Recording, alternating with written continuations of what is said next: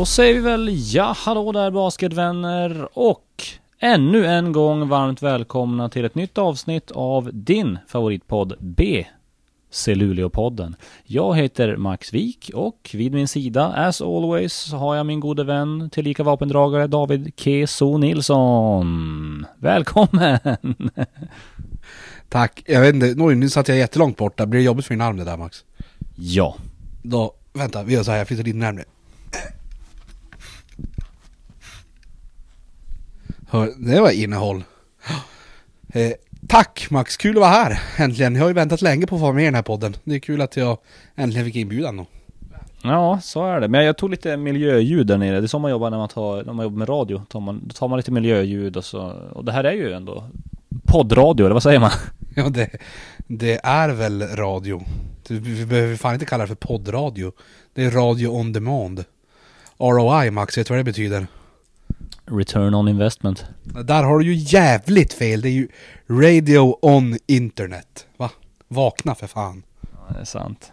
Hörru du, eh, vi har massor av roliga grejer att prata om idag. Men jag tycker vi ska börja med ändå någonting som jag läste på Twitter häromdagen. Som lyder som följer då. Du ska få gissa vem det är som har sagt slash skrivit det här. Sparka Denzel och Bryce. Signa Calvin Jägare på heltid. Basketpropaganda i Lea.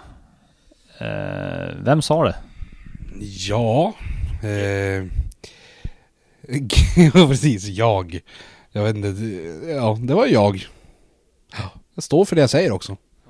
Calvin Jägare från ungdomslaget gjorde ju då bejublad premiär eh, senast mot Borås. Eh, och då gick du trans, för det var ju så att Bryce och Denzel missade matchen och du var helt, helt i trans, i spinn eh, över detta faktum.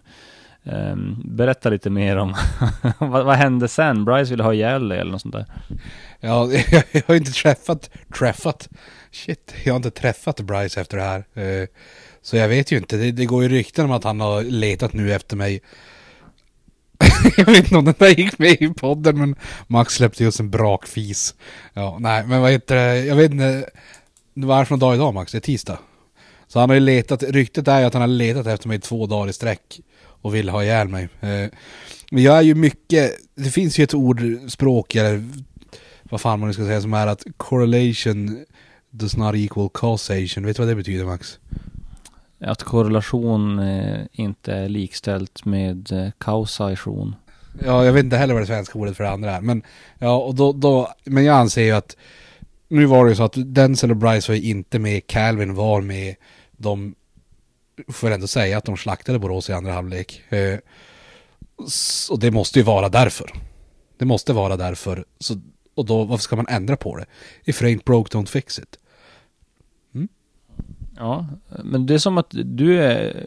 Man tänkte ju att nu när du blivit offentlig person och assisterande tränare i Luleå Basket så tänker man du kanske han ska hålla tillbaka lite på Twitter, men du kan som inte hålla dig. Det brinner i huvudet på dig och då bara då tar du till Twitter. Det, men, va, hur, hur, går det tankegångarna när du gör det? Eh, nej men... Eh, för det är för det första en helt lös definition av offentlig person. Eh, Ja, men, nej, men det, det, är som du säger, det brinner till i skallen. Jag kan inte hejda mig. Det blir... Eh, ja, ibland går det lite snett och... Eh, nu har jag inte ångrat mig än för att Bryce har inte hittat mig. Men om Bryce hittar mig och dödar mig, då ångrar jag mig ju. Och då var det ju dumt att det brann till att jag skickade ut den där. Men jag har också varit jävligt tydlig med vart jag vill att min eh, förmögenhet ska gå. Och det är inte till Maxvik. Jag vill att det ska vara på, på radio också. Uh, inte bara i, på pränt i Twitter, för vem som helst kan egentligen logga in på mig och, och twittra. Men nu säger jag här att ifall Bryce hittar mig och dödar mig så vill jag att hela min förmögenhet delas upp på hela Sveriges befolkning förutom Maxvik.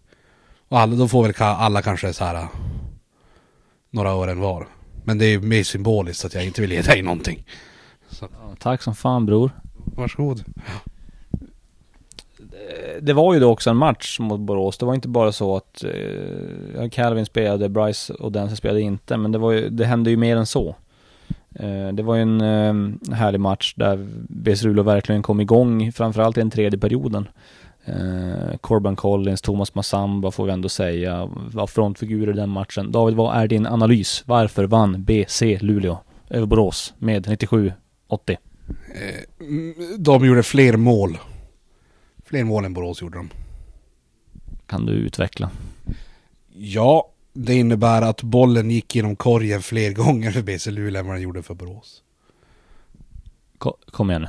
Ja, nej, jag, jag vet inte. Men det är jättemycket är väl att, eh, att både Thomas Massamba och Corbin Collins börjar, eh, börjar hitta varandra och hitta ett flyt i spelet. Eh, Jag, jag vill minnas att jag har sagt hela tiden Eh, i den här podcasten att eh, det är ingen idé att stressa upp sig över att folk tror att Thomas eh, inte ska kunna spela på det här sättet för att han har spelat åt coacher som har kanske spelat på andra sätt tidigare. Eller att Corbyn missade många skott de första matcherna. Det, det kommer lösa sig, det har löst sig. Sen, alltså jag tycker väl att alla har börjat hitta sin plats i pusslet. Det, det är inte samma känsla som det var första matcherna att, att det bara är ett gäng spelare som inte riktigt passar ihop. Utan nu känns det som att rollerna börjar sätta sig. Eh, folk vet vad de ska göra, folk kanske börjar veta vad som förväntas av dem. Eh, man försöker inte göra något mer än det. Eh, och det ser bra ut. Bra flyt, bra fart, hela den biten. Det ser bra ut. Känner du till fenomenet subtweeta? Eh, nej.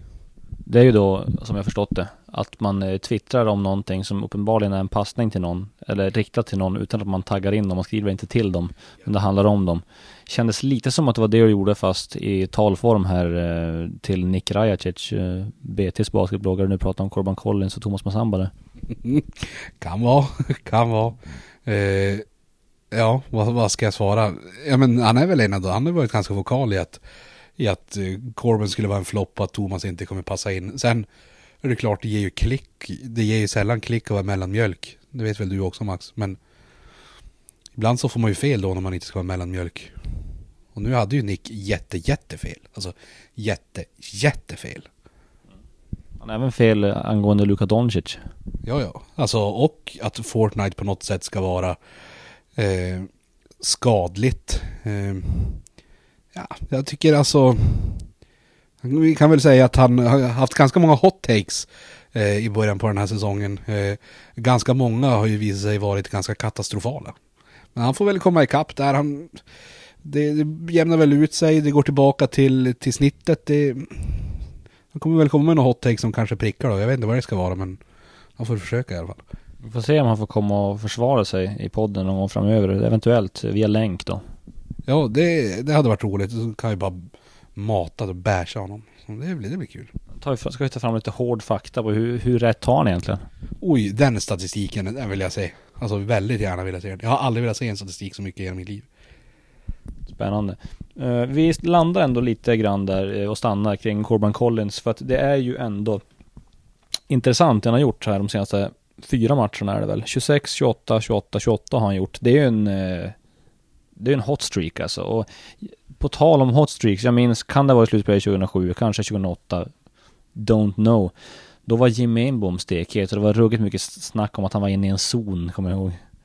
Till slut när han hade gjort 100 poäng, 100 matcher i rad, så konstaterade han väl att det kanske inte är en zon längre.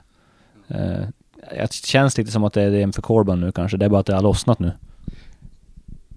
Ja, ska vi vara försiktiga och säga att han kommer att snitta 28 poäng resten av året. Eh, men, ja, men jag tycker, ja det är inte en zon nu, det är kvalitet. Det var väl hans fan exakta citat. Det är inte en zon, det är kvalitet. Eh, ja, det var kul. Bra, bra liknelse. Sen var det väl egentligen kanske inte, det var väl att han bara var bra så här tre matcher i rad eller någonting. Sen gick han ju, han var ju svinbra men just det var ganska härligt. Ja. Ja, men det var, det var kanske en kvartsfinalserie eller en kvart och semi eller någonting sånt där. Han var bra i ett slutspel i alla fall vill jag minnas. Ja, men det, där glänste han ju allt som oftast. Det är bra. Och Corban Collins, han fortsätter och, och eh, spela bra, även mot eh, bra motstånd. Så vi får se, det blir spännande. Vi har ju nu alltså då Södertälje borta på lördag. Det blir en tuff utmaning där. Södertälje som har gått rent hittills. Fem vinster, noll förluster i talande stund, inte skrivande stund. Eh, och sen efter det så har vi Norrköping då, eh, hemma på nästa vecka på onsdag. Och det blir ju finalrepris och det är alltid tufft att möta Norrköping. Så att eh, Eh, två rejäla utmaningar och då får vi verkligen, verkligen se vad Corban Collins och gänget går för. Ja, det blir spännande. Alltså det ser mycket fram emot. Det är roliga matcher båda två. Mycket känslor inblandat.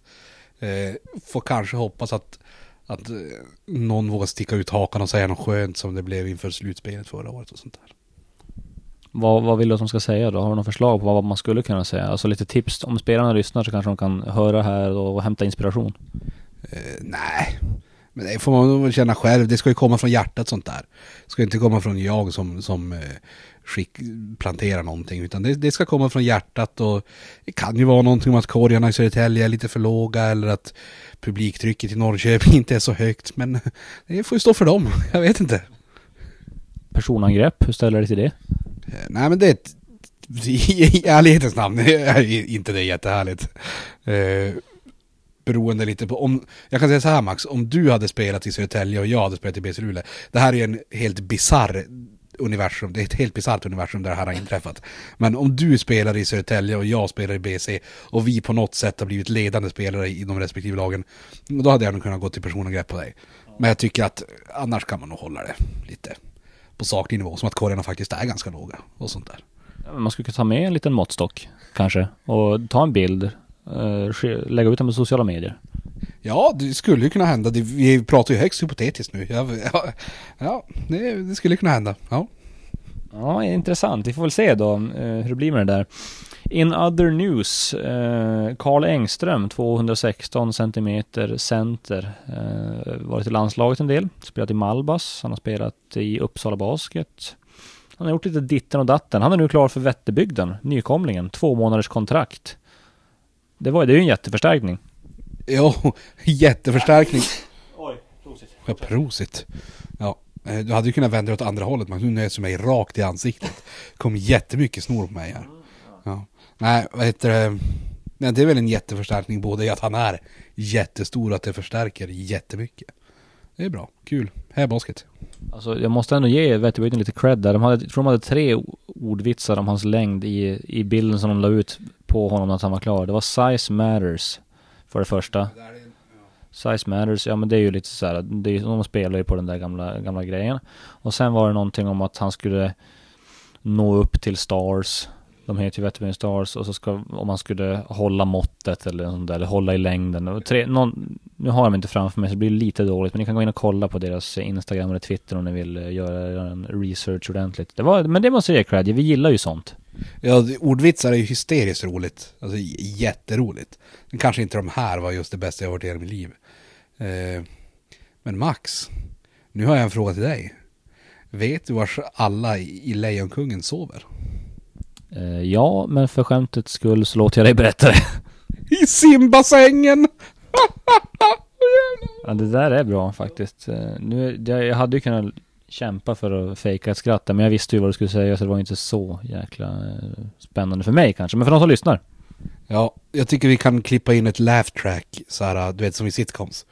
Kanske nu, det blir en fördröjd reaktion. Som du och jag är tysta nu i några sekunder så har vi ett laugh track. Vi får se om jag lägger in något där. Canned laughter, klassiskt. Jävligt bra. Eh, nej men Karl Engström då, Wally Nyang, eller Wally Nyang kanske man säger, eh, är det ju han ersätter. Och Wally Nyang har haft en lysande start på säsongen. Stor, eh, stor kille eh, som har tillhört Real Madrids organisation tror jag tidigare. Han var ju med dem i Superettan i fjol, har gjort det bra nu. Eh, du tittar på mig väldigt, väldigt märkligt nu.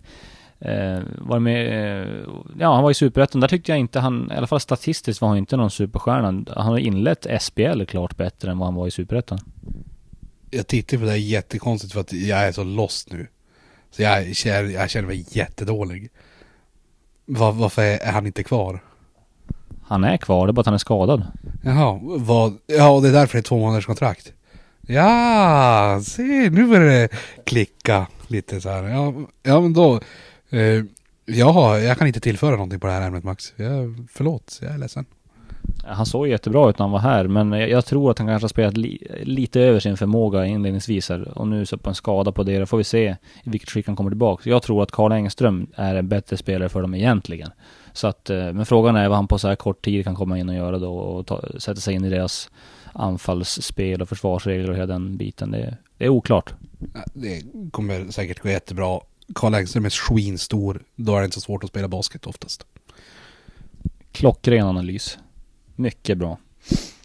Eh, Jonas Jerebko. Vi pratar inte så ofta om NBA, men det känns ju ändå som att vi borde nämna eh, hans framfart i Golden State Warriors under inledningen av NBA-säsongen, David. Vad säger du egentligen? Vem, nej, vem är, nej, ska jag vara, nej men det är ju svinroligt. Det är, vad ska man säga, jättebra start. Det ger väl, jag vet inte om man lever i den här bubblan eh, av att man tror att basket nu är, oh, härligt, jättestort eh, i, i, i Sverige. Men det känns som att det har ändå skapat lite buzz, alltså så här, i även nationell media kanske. Eh, typ i SVT och sånt där. Det ser ut som att, ja. Välkommen. Vad händer David? Håkan Larsson. Men det såg också ut som att han inte kunde öppna dörren först. Så var inne och hämtade snus i jackfickan här. Eh, Nej, Jonas Jeppko, vart var vi? Nej men Jättebra start, jätterolig start. Eh, Skulle vara kul ifall det kunde dra upp intresset både medialt och folkligt för basket i Sverige. Eh, Och det känns som att det är väl rätt väg att gå att få en, en spelare i världens överlägset bästa lag som faktiskt får minuter och faktiskt presterar. eh, och som i slutändan får, får vinna hela skiten. Det är jättekul. Superduperroligt. För att förtydliga vad han har gjort än så länge, så i natt eh, när de mötte Phoenix Suns och vann ganska komfortabelt, 20 poäng tror jag. Då hade han 12 poäng och 5 returer, eller 6 returer, jag kommer inte ihåg, jag tror på 5. Innan dess eh, så avgjorde han ju faktiskt i sista sekunden eh, mot sitt gamla lag Utah Jazz. Och det var, det var ju, ja, det var ju mäktigt. Jag tror att han fick eh, någonstans kring 40 000 nya följare på Instagram den dagen efter det. alltså det är ju, intresset kring de där storlagen är ju löjligt stort alltså.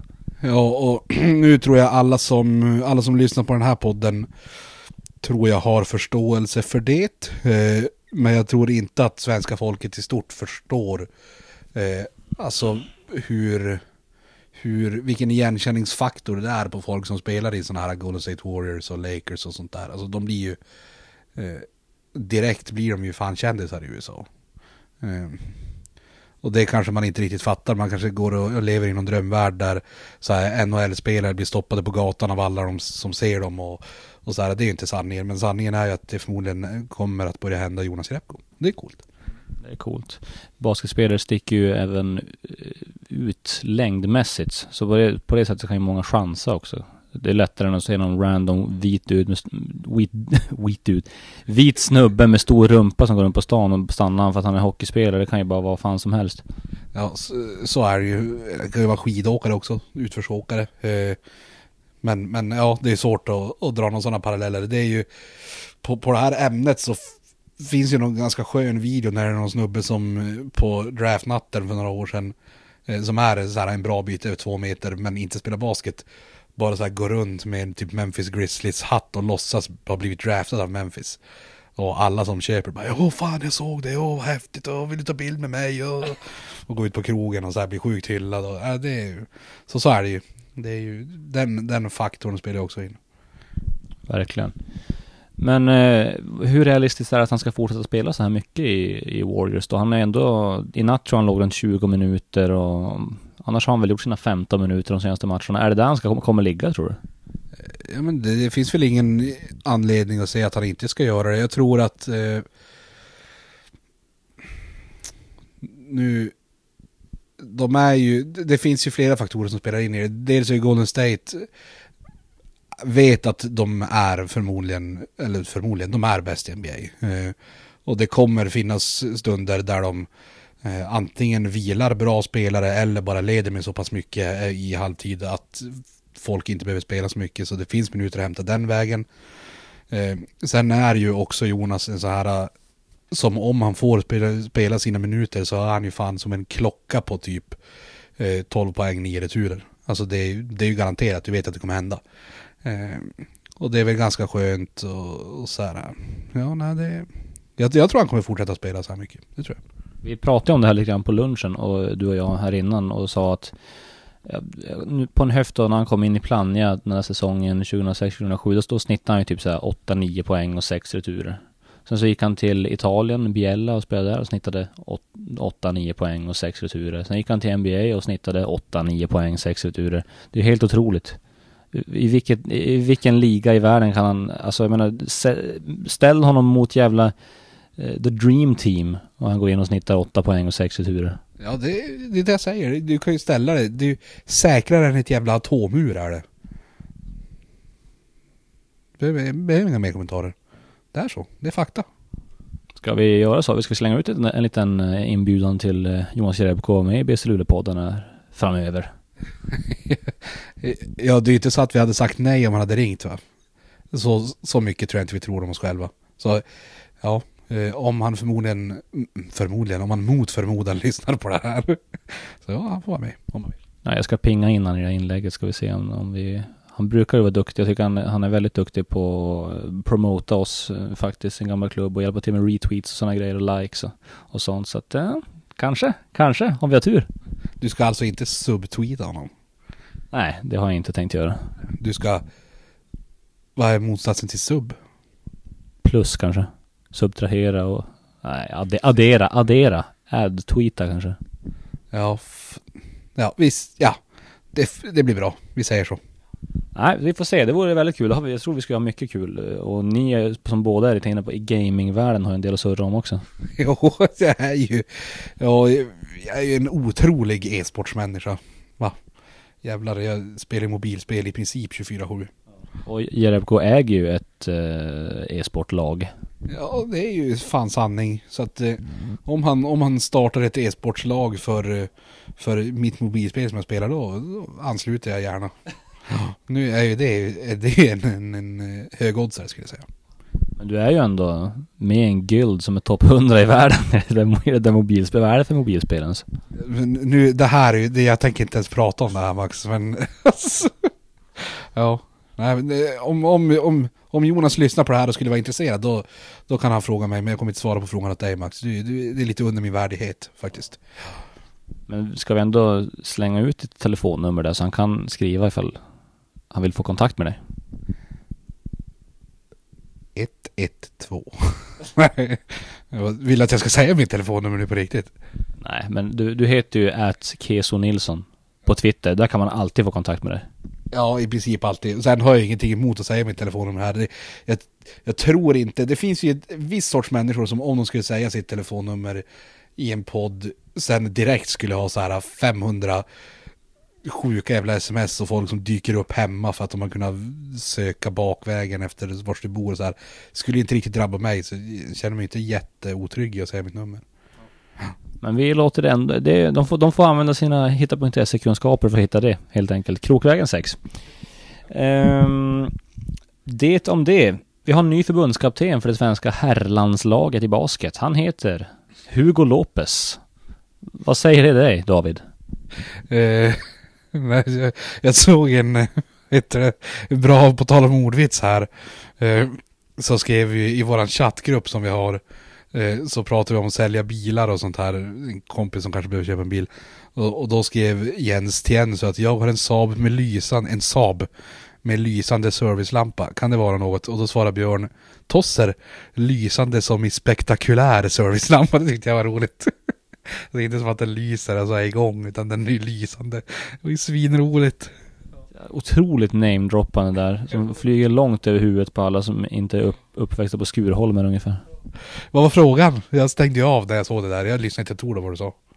Hugo Lopez, ny förbundskapten för svenska herrlandslaget i basket. Vad säger det namnet dig?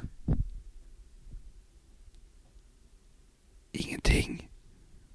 Jag har ingen aning vem det är. Alltså jag har ingen aning. Jag läser lite grann om vad han har gjort. Eh, han har varit coach några år. Eh, det blir spännande. Det blir kul med lite, med lite förnyelse och sådär. Men, men jag, jag får ingen känsla för det åt, åt något håll. Alltså, jag vet inte vem det är bara. Han måste få chansen att misslyckas. Även han. Ja, exakt. Så är det ju. Vi kan ju inte börja såga eller hylla innan han faktiskt har gjort någonting. Mm. Men det har varit mycket snack om det här med tajmingen kring, kring eh, att man har avslutat Vedran Bosnics eh, kontrakt och anställt eh, Hugo Lopez här då mitt under brinnande EM förkval.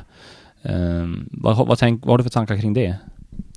Men det måste man väl hålla med lite grann om. Alltså det är ju det är ju ingen tacksam sits som herr Lopez kommer in i nu. Alltså att eh, och sen får man väl ta uppgiften för vad det är. Det är inte så att du försöker slänga in allt du som någonsin vill lära ett basketlag på de här tre dagarna eller vad det är de har innan nästa match tillsammans. Eh, men det är klart att tajmingen, tajmingen hade ju kunnat vara bättre men samtidigt så någonting känner man ju ändå behövde hända och det kanske var lika att rycka plåstret. Det är också en sån där grej. Det är svårt att, svårt att säga hur det var förrän det har hänt någonting. Jag, kan inte sitta här och döma folk som har tagit beslutet. Utan det kanske behövde hända någonting. Kanske var, hade timingen kunnat vara bättre. Kanske, kanske, kanske. Jag vet inte. Men faktum är att resultaten har uteblivit på sistone. Så är det. Det kan vi som inte ens diskutera. Det är bara så. Nej, så är det ju. Det, det kan vi ändå säga. Alltså... Eh, ingen, det är väl svårt att hävda att, att resultaten för, för herrlandslaget har varit lysande de senaste åren. Eh, det, det, är det jag menar. Alltså, någonting behövde ju hända. Eh, och då kanske det var bättre att göra någonting nu än om, om ett år. Alltså. Så kan det vara. Något som jag tänker spontant är ju, nu har vi Kenny Grant också då som assisterande coach i landslaget, head coach Hugo Lopez. Tror du att vi kommer få se lite andra spelare med? Det har ju varit ganska Södertälje-betonat de senaste åren. Eh, många, många från Södertälje har ju varit med i landslaget. Tror du vi får se någonting annat nu eller tror du första truppen kanske kommer ungefär vara det som Bosnien har tagit ut och sen så får han bilda sin egen uppfattning? Eh, nej, men det kommer väl, jag skulle ju absolut gissa att, att det kommer vara ungefär exakt samma som det har varit. Eh, sen med kanske undantag att, att eh, någon som är, alltså jag vet inte vem det skulle vara man kan plocka in men det, är kanske ett eller två namn som kommer in. Men samtidigt så känns det inte som att det finns någon sån här äh, superklar äh, som ligger i bakgrunden som aldrig har fått chansen. Det, senast kanske det var lite konstigt att, att André Nilsson aldrig har fått en chans eh, med alla skador på stora spelare och sånt här. Men nej, jag, jag, tror inte det kommer ske något så här att det är sex, sju namn som byts ut. Kanske en eller två. Vi får se. Tror du att man ehm, alltså det är ju så extremt svårt att spekulera kring, men tror du att det, tror att det här valet kan påverka positivt eh, på det sättet att till exempel Jeffrey Taylor vill, är med i landslaget igen? Eh, vi vet att Hugo Lopez har varit assisterande coach i Real Madrid, dock inte när Taylor var där som jag förstått det. Eh, ja, det är väl också en sån här grej, det kan ju inte bli sämre. Alltså, antingen fortsätter det som det har varit, att han inte är med, eller så blir det så att han är med det är också jättesvårt att säga. Jag ska inte sitta och låtsas eh, veta hur, hur någon inblandad i det här tänker. Men, men man kan ju hoppas eh, att, eh, att man, någon av dem kanske vill vara med här. Det hade varit roligt, det behövs ju. Vi har ju inte ett överflöd av, av stjärnspelare i, i Sverige. Tyvärr. Någon gång har, har jag suttit och spekulerat, jag tror jag skrev ett blogginlägg på den tiden då jag pysslade med, med sånt. Eh, då skrev jag och spekulerade lite kring svenska landslaget och hur bra hade vi kunnat vara? What if Maciej Lampe tackade ja till eh, att spela i svenska landslaget istället för det polska? Eh, what if Rudy Memba höll sig på fötterna och hade en, den karriären som många trodde att han skulle ha? Var Damir Markota, om han hade varit med, och Joakim Noah hade Eh, hade valt att spela med svenska landslaget. Om Lou Amundsen, som också har någon, någon svensk släkting, spelade med svenska landslaget. Nu kanske det blev lite för många naturaliserade där för att det skulle funka, men men eh, om man leker med tanken plus Jerebko Taylor, Marcus Eriksson, det blir rätt bra då. Ja, herregud. Alltså, och sen är det väl lite kanske missvisande att börja ta med någons, alla som någonsin haft en förfader eller moder som har satt sin fot i Sverige. Men, men det är klart att om någon av de där hade kunnat tänka sig att naturalisera sig eh, och alla de här Jonas och, och, Jeffrey och Marcus hade kunnat vara skadefria och fått det att funka med, med klubblagsverksamhet. Då hade ju svenska landslaget kunnat vara jätte, jättebra. Eh, nu är det inte jätte, jättebra. Men det kan bli jätte, jättebra. Ja, det ska bli intressant att följa. Eh, rätt vad det är så, nej, jag tror inte ens, jag tror inte ens man får byta tillbaks landslag. Om man har valt det så kan man, det är oklart. Jag tror inte Mathieu Lampe kan göra det. Eh, så det behöver vi inte ens hoppas på. Vi lägger ner den. helt enkelt. Men, men, eh, hur är det, det, behöver man ha koppling till landet för att naturaliseras? Det här känns som att jag borde veta egentligen. Alltså jag tror att det är så här, alltså nu är jag ute på så djupt vatten så det, man, jag tror inte det är sant va. Eh, men jag tror att det gäller lite grann för vad just det landet har för regler kring medborgarskap och så vidare. Eh, så att i Sverige tar det ganska länge att, bli, få, alltså, få svenskt medborgarskap. Det är då räknas du som naturaliserad när du inte är svensk från början tror jag. Alltså nu jävla massa gissningar här. Fan det är inte innehåll det här. Uh, har jag fel så får ni gärna höra av er. Um, jag tror det är så i alla fall. Nej men det låter ju rimligt. För det var väl också så här så att Filip Filippinerna var det väl som, som naturaliserade Anthony Randolph, var det? Uh, de tog André Blatch. Ja, André Blatch, det är samma människa. Nej, men André Blatch. Uh, och där var det väl så att de eller bara letade folk som kunde tänka sig att naturalisera sig för Filippinerna, eller hur var det? Jag kan tänka mig att uh, hade, hade jag varit diktator i Sverige, då hade jag absolut uppmuntrat sån här aktivitet. Och så det tar sådana här som uh, är rangen nedanför landslagsspelare i USA. Uh, och inte de här som kanske har en chans att komma in om några år, utan sådana här som är jättebra men det finns ingen chans att någonsin komma med i landslaget. Och så bara slänger man pengar på dem och så sen blir de naturaliserade och så vinner Sverige OS och VM för de nästa hundra åren. Det är ju smart marknadsföring. Ja, det är för att jag är smart. Vad hade du mer gjort om du var diktator för Sverige? Oj, eh, mycket. Eh, nu blev det som en valplattform det här. Eh, jag hade, vi, ja vad fan, jag vet inte, jag hade ju tvingat alla barn från födsel tills de fyller 30 att spela basket. Eh, och det är inget val. Alltså, det är kanske till och med ersatt skolan med bara basket. Eh, och så sen, du vet, istället för svenska, engelska, matte, då har man passa, dribbla, skjuta och sånt på schemat. Eh, och så får man bara göra det så här i en timme och 20 minuter. Eh, det hade nog varit min främsta valfråga. Du tror inte man tar bort lite glädjen kring idrotten då? Ja, men det, är, det viktigaste är att vinna Max. Och sen, det är ingen som ser skillnad på om man gråter glädjetårar sen eller tårar för att fan vad hemskt mitt liv är, jag blir intvingad i det här facket och, och träna basket åtta timmar per dag. Det är ingen som ser skillnad på de tårarna Max. Så det är bara att köra på. Jag tror att det här borgar ju för några feta dokumentärer på Netflix om Sverige och hur man, hur man styr hela landet för, att, ska, för, för att nå basketframgångar. Ja, alltså det är ju, det är ju en solklar väg. Är bara tänka hur bra var Sovjetunionen? Vad fan sa jag nu? Unionen. Sovjetunionen, hur bra var de i hockey Max? Jätte, jättebra. Ja, och de låste ju typ in sina spelare i ishallar. Så att det, är, det är rätt väg att gå känner jag. Ja, jag hade röstat på dig som diktator om det var möjligt. Vad skönt, vad bra. Nu är det dags. Vi, vi har två segment på raken här och det första segmentet det är ja, något helt nytt faktiskt som vi kallar för 5-0.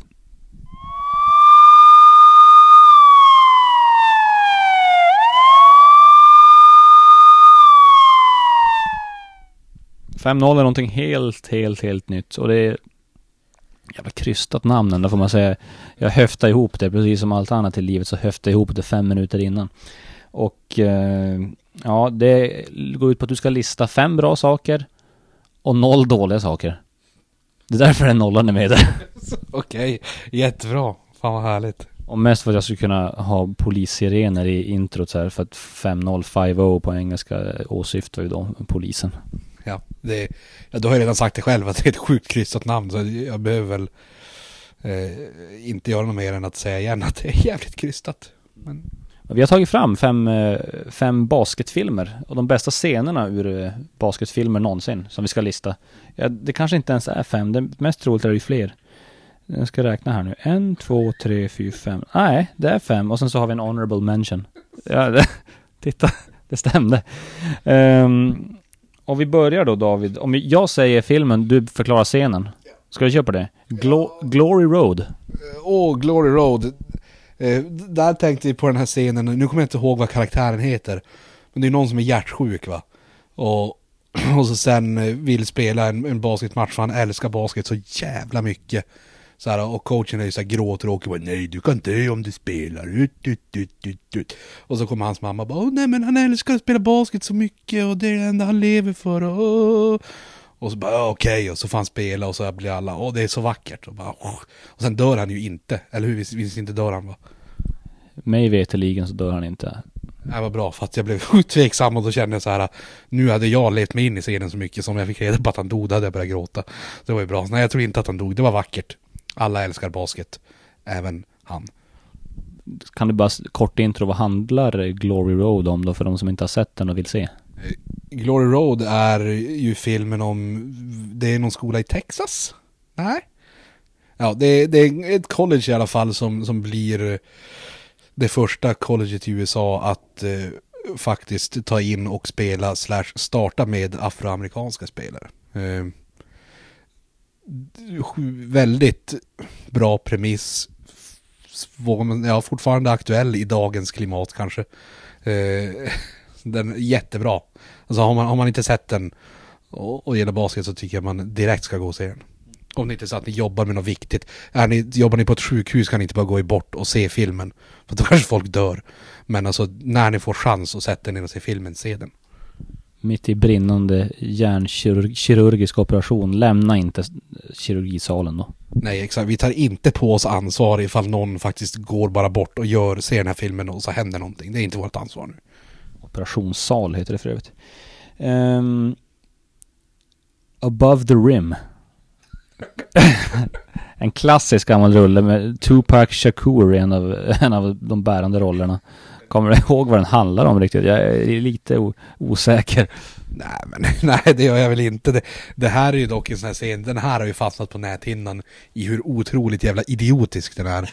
Så jag vet inte om vi skulle börja att premissen var att det var bra scener. För det här är ju helt absurt. Det, är väl alltså en kille, vem är det som, det är inte Tupac som hoppar va? Nej.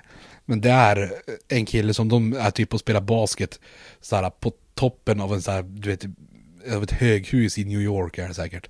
New York. Och så börjar de hetsa varandra att de ska hoppa och slå i plankan av någon jävla anledning. Som att de är 13 år gamla. Och så hoppar den här killen och slår mot plankan och sen visar det sig att, åh nej, eh, plankan är gjord av wellpapp. Så den ryker all världens väg. Och sen visar det sig också att de som byggde basketplanen känner så här, åh jag vet, vi står på basketgården alldeles på, på, på gränsen till där huset slutar. Så att ifall man tar ett snedsteg då ramlar man ner och dör. och så sen är det exakt det den här killen gör. Han hoppar och slår igenom plankan och sen bara oj just det, där är ju sen ett fall på 100 meter. Så död. Och sen vaknar ju en kille ur en, det är som att han drömmer en mardröm om det här va? Ja. Eh, inte jättehäftig scen. Jag vet inte om det är tänkt att vara en komedi eller är det en seriös film? Det är en seriös film och han som ramlar och dör heter ju Nutso. Eller i alla fall kallas för Nutso. Ja, just det. Så då den här, någon som är med honom där och har hälsat honom och hoppat, går fram till kanten och bara Nutso! Visst är det så? Ja, det är jävla härligt. Den är magisk. Missa inte den. Above the Rim heter den filmen. Sen har Den kan ni fan, den kan ni missa. Antar jag bara. Om man sett den scenen så missa den filmen för allt i hela världen. Ja, nu får du. Det handlar om, alltså lite kort kan jag säga det jag kommer ihåg, att det handlar om en, en basketstjärna som får lite support från eh, fel typ av umgänge och det lite handlar kring det och Tupac representerar väl då liksom de här lite knarklangarna och så vidare, de som, the bad guys eh, som börjar supporta den här basketstjärnan, typ, typ så ungefär. Uh, He Got Game, Denzel Washington, Ray Allen i två av huvudrollerna. Uh, Ray Allen uh, spelar då Jesus Shuttlesworth. Um, och hans pappa är då Denzel Washington helt enkelt. Um, vad har du för valt för scen från den filmen David? Det, det är väl... Jag, vet, jag antar att det är någon scen i slutet när de spelar en mot en mot varandra. Jag kommer inte ihåg vad de spelar om, men de spelar ju om... Kommer du ihåg det här Max? Men det är ju sjukt intensivt och så här... Och Jesus Shuttlesworth, som för övrigt är, det är världens bästa namn i en film. Alltså alla kategorier. Han... Jag vet, jag kommer bara ihåg att det är sjukt mycket känslor och så här... Uh, jag, jag har inte den här filmen jättebra i huvudet ska jag villigt erkänna. Men jag vill minnas att scenen är cool. Så där brukar det gå när man, så här, fem minuter innan podden, kommer på vad man ska göra och sen så researchar man inte alls någonting och så tar man, skjuter man från höften. Eh, Men det är lite så, det som är en charmen med den här podden också. Ja, jag, jag känner att det är fan många gånger i den här podden nu som jag bara så här, inte vet vad jag ska säga.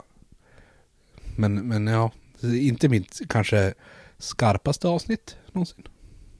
Lite navelskådning där också fick ni på köpet. Eh, den heter ju alltså He Got Game, så den kan ni, den, den kan ni absolut se, det är en bra rulle. Eh, sen har vi då White Men Can't Jump med Wesley Snipes, Woody Harrelson i huvudrollerna. Eh, berätta först vad det är för film, sen vilken scen du har valt. Eh, det är ju om Wesley Snipes och Woody Harrison som, som hasslar lite folk, alltså lurar folk på pengar vid basketplan och sen spelar någon turnering för att vinna massa pengar för att någon av dem behöver pengar. Det är ju så här, det har hänt i tusen miljoner filmer. Den scenen vi valde här är väl, den tycker jag, den är fan nästan lika absurd som, som hoppas slå sönder plankan, ramla ner och dö scenen. Alltså med enda skillnaden att White Man Can't Jump är ju fan världshistoriens ohotat bästa film. Eh, men premissen är så här att det är första gången de ska lura folk på basketplan. Wesley Snipes går där kaxig bara "Ja, jag vinner mot eh, alla här. Jag vinner mot vilka två som helst i två mot två. Och ni får välja min lagkamrat. Öh, ni får välja vem ni vill. Öh. Han gjorde mycket öh. Och så, och så sen bara, ja, så börjar alla bara, ja, vem ska vi välja då? Och så vill man ju ta någon dålig så att det blir kul. Och då kommer Woody Harrelson så här, typ 200 meter bort. Nerför, nerför så här, trappan på typ en spårvagn spårvagnsstation och bär en basketboll. Och då känner man att det är någon som så här med jävla örnögon skådar att Woody Harrelson kommer där borta. Och bara åh, ta han! Och så, så här, det, hade ju kunnat gå hur mycket åt helvete som helst där. Det är ju helt osannolikt att någon skulle se honom och sen välja honom. Det hade ju fattat ifall han var så här på planen. Men det var han ju inte. Ja, så då väljer de dem och så sen visar det sig att den här Woody Harrelson är ju typ Larry Bird. Och är bäst i världen. Och Wesley Snipes är också bra, så de krossar ju. Ja, men det är helt absurt. Och sen fortsätter de bygga på det och lura folk i, i de filmerna. Ja, exakt. Det är ju jättebra film. Jävligt eh, konstigt upplägg för att lura folk. Bra. Eh, sen har vi en film som heter Rebound. Som handlar om eh, streetbasketlegenden Earl the Goat Manigault. Ehm, jag vet, du kanske inte kommer ihåg så mycket av den här filmen, men- vi har ju valt en scen i alla fall. Och vi har, det är ju en jätte, jättekänd skådespelare som har huvud, huvudrollen här och spelar Earl the Goat Manigold. Han har varit med i typ Oceans 11 och sådana där rullar, eller 12 och 13 eller vad de nu heter. Uh, och uh, ja, hela filmen handlar ju om, om den här supertalangen Earl the Goat Manigold helt enkelt som som har eh, inte bara en extremt duktig basketspelare utan även eh, sjukligt spänstig och så vidare. Eh, berätta lite om den eh, scenen där. Ja, det kom bara till mig från, som en blixt från klar himmel att han heter Don Cheadle. Visst är han det va? Ja. Eh, vad heter det? Nej, men den här är ju, det, det här påstås ju faktiskt ha hänt på riktigt. Visst gör det det? Men det är ju, känner jag, lika troligt som att den texten står ju fan i början av Motorsågsmassakern va? Så att, ja, ta det med en nypa salt, men det är ju att eh, hela premissen är ju att han kan hoppa upp och ta pengar från toppen av en jävla planka. Eh, alltså en basketplanka där korgen sitter. Eh, och så i, i filmen är det väl så att han först gör det och så är det någon, någon så här gammal gubbe till lärare som ser honom och bara åh det där var ju häftigt, honom vill jag ha i mitt basketlag. Och så lägger han upp en 20 dollars eh, sedel där uppe och så hoppar Earl och tar ner den. Då. Men det, det är ju helt, alltså när man ser hur högt det är till plankan. Alltså det är ju 0% chans att någon människa någonsin har kunnat göra det här. Alltså jag sticker fan ut hakan och säger att det är 0%. Det är helt omöjligt. Dessutom så är ju då Don Cheadle a.k.a. Eh, The Goat Manigault. Han är ju typ en 85 ungefär. Det är inte så att han är 2,15. Ja men det var ju Earl på riktigt va? Han var inte så stor. Ja. Och det gör ju det hela helt jävla... Alltså jag hade ju köpt om det var så här. Ja det var Wilt Chamberlain som gjorde den så här två, en miljon. Och springer 40 meter på 13 sekunder. 400 meter på 13 sekunder. Men... Nej, scenen är väl bra, det fyller ett syfte. Men hela skiten att det ska ha hänt på riktigt, det, är ju, det finns ju fan inte. Det är helt omöjligt. Alltså är det ens möjligt för muskler att utöva så mycket kraft? Typ? Tveksamt. Vi, han har ju en jättekänd och duktig skådespelare som spelar mot sig också som vaktmästaren i den här filmen. Jag ska se om det kommer någon blixt från klar himmel om det också. Ja, det är ju en, eh, han har lite så här sleepy eyes, eh, afroamerikansk eh, kille. Han har ju något coolt namn, men jag kommer fan inte ihåg vad han heter. Vi måste ju, om du gnuggar geniknölarna nu riktigt ordentligt. Vad hette filmen Re- Rebound heter filmen. Är du säker? För att det kommer ingenting till min hjärna när jag skriver rebound på IMDB. Där! där. James Earl Jones för fan. Är det han? Nej. Nu ska vi se. Jag tänker, jag tänker, jag tänker, jag tänker. Och Kareem Abdul-Jabbar är med som sig själv också. Det här. Alltså James Earl Jones är ju känd, han har ju spelat Darth Vader, hur fan har han inte gjort det? Det är, alltså, jag fruktar att jag nu blandar ihop typ 400 olika basketfilmer. Um, så att det här... ser ut som att, det ser ut som att Don Cheadles son spelade eh, Young Earl här. Det är när jag tänker efter. det, är, det är kul. Ja, skitsamma. Det, jag, det är mycket, det kan mycket väl vara så att jag blandar ihop två basketfilmer här. Men hur som helst, se den. Den, den tycker jag man kan se. Det är faktiskt en, det är faktiskt en ganska bra rulle eh, som är eh, som jag fick reda på efter att man läste Slam Magazine när man var 12-13 baster och såg den. Så det, den är härlig. Och så har vi en honorable mention. Det är inte från en film utan det är ju faktiskt från eh, Ja, vad är det från? Det är från Dave Chappelle show en sketch där som jag refererade till i vårt senaste, en av våra senaste Instagram-inlägg också. Ehm, berätta om eh, den scenen ur den sketchen. det är väl eh, Eddie Murphys brorsa Charlie Murphy som på något sjukt sätt hittar sig själv hemma hos Prince. Eller The Artist formerly known as Prince eller någonting. Eh, och hittar sig hemma där på efterfest. och och Prince tycker att de ska spela en basketmatch. Och Murphy och hans gäng tycker att ja, vi är ju coola, vi kommer ju vinna som satan. Och sen visar det sig att Prince var tydligen svinbra på basket. Och sen är det en massa härliga överdrifter i, i videon så här. Det är ju alltså en hysteriskt rolig sketch. Chappelles show och, eh, och Charlie Murphy är ju alltså nästan kriminellt underskattat i, i populärkultur skulle jag säga. Och klassiken då när eh, Dave Chappelle som spelar Prince häng, slänger i den avgörande dunken, eh, en 180-dunk tror jag, hänger med två händer i ringen, släpper en hand, släpper två händer, fortsätter att sväva och så säger han Game blouses. Ja det är alltså det, är, jag får gåshud, gåshud får jag. Det, det var det du också refererade till på, på Instagram. Och det glädjer mig ju att det faktiskt var någon som hittade till den bilden och tyckte att att texten var rolig. Det är fan, det, där blev jag glad. Om vi ska vara övertydliga så spelade ju då Prince och hans, och The Revolution som han spelade med då, i blusar. Ja exakt. Och det var ju, och blåa blusar också va? Kanske lila. Ja det känns, det känns lila känns ju mer prinsigt. Kan inte du, du, du har ju lite pull i den här organisationen Max, kan inte du få BC Luleå att lite som som Luleå Basket spelar i rosa matcher nu på fredag, när de har på sig rosa matchställ. Kan inte ni spela i, i lila blusar en match? I will see what I can do.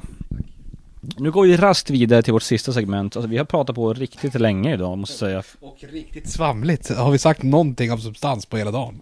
Nej.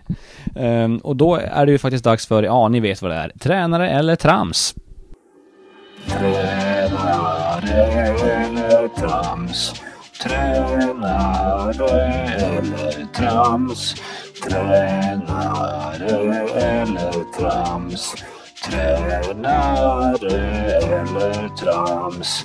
Trä, trä, trä, trä, trä, trä, trä, trä, na, na, na, na, re, re, re, re, eller, eller, eller trams? Tränare eller trams? Tränare eller trams? Tränare eller trams? Tränare eller trams? Tränare eller trams? Tränare eller trams? Ja, ni vet vad det här går ut på. Jag har tagit fram ett gäng citat. Jag har dammsugit internet efter tränarcitat och blandat ihop det med citat som inte alls är från tränare. David ska gissa vem som sagt det. Eh, då ska vi se här då David. Första citatet lyder som följer. Jag skulle vilja säga att jag är jättenöjd med kampmoralen, kämpaglöden, insatserna och vinnarskallarna. Ja, det, det hör ju till en tränare. Det, jag har ju svårt att tänka mig att det är någon som har sagt det i något annat sammanhang. Eh, så då är det väl bara kvar att gissa vem det är. Eh, och du har ju haft ett mönster av att ta Vedran Bosnic tweets hittills. Så jag säger att det är Vedran som har tweetat det här. Nej, det stämmer inte. Det är faktiskt Peter Ökvist efter eh, seger mot Jämtland sa han det till NSD. Ja, ja, så kan det ju gå. Nästa då. Du vet att du måste göra någonting rätt om gamla människor gillar dig. Nej, det här... Men det här är nog inte... Det är inte en baskettränare, det här är ju inte. Eh, tror jag i alla fall. Eh, Nej, oh shit, den här var svår. Det kan ju vara vem som helst nu. Eh, jag vet inte. Får jag, får jag säga pass? Måste jag, komma, måste jag komma med ett namn? Du får säga pass och då säger jag att det är Dave Chappelle. Amerikansk komiker som vi pratade om nyss. En gigant. Mm, från Prince-sketchen där. You have to be doing something right if all people like you. Eller något sånt där. Nästa då. Den här fick jag skickad till mig faktiskt av en lyssnare. Eh, det är ett krävande jobb. Du måste brinna för det till 180 procent. Tar det här jobbet också knäcken på, på den här personen i fråga? Nej, det gör det inte. Okej. Bra. Då, då, då, då vet jag faktiskt inte. Då, då gissar jag att det, här är, det var ett internskämt från mig Max där för övrigt. Det, eh, det är en baskettränare, vi säger att det är Adnan Chak. Du anar inte hur rätt du har. Det är Adnan Chak då till Folkbladet någon gång där slutspelet 2015 typ. Vi har ju sagt det förr och vi säger det igen, min hjärna är som Google. Ja, det är sant. Det har ju, har ju märkt under det här avsnittet om inte annat när det bara kom till dig. Eh, Don Cheadle till exempel.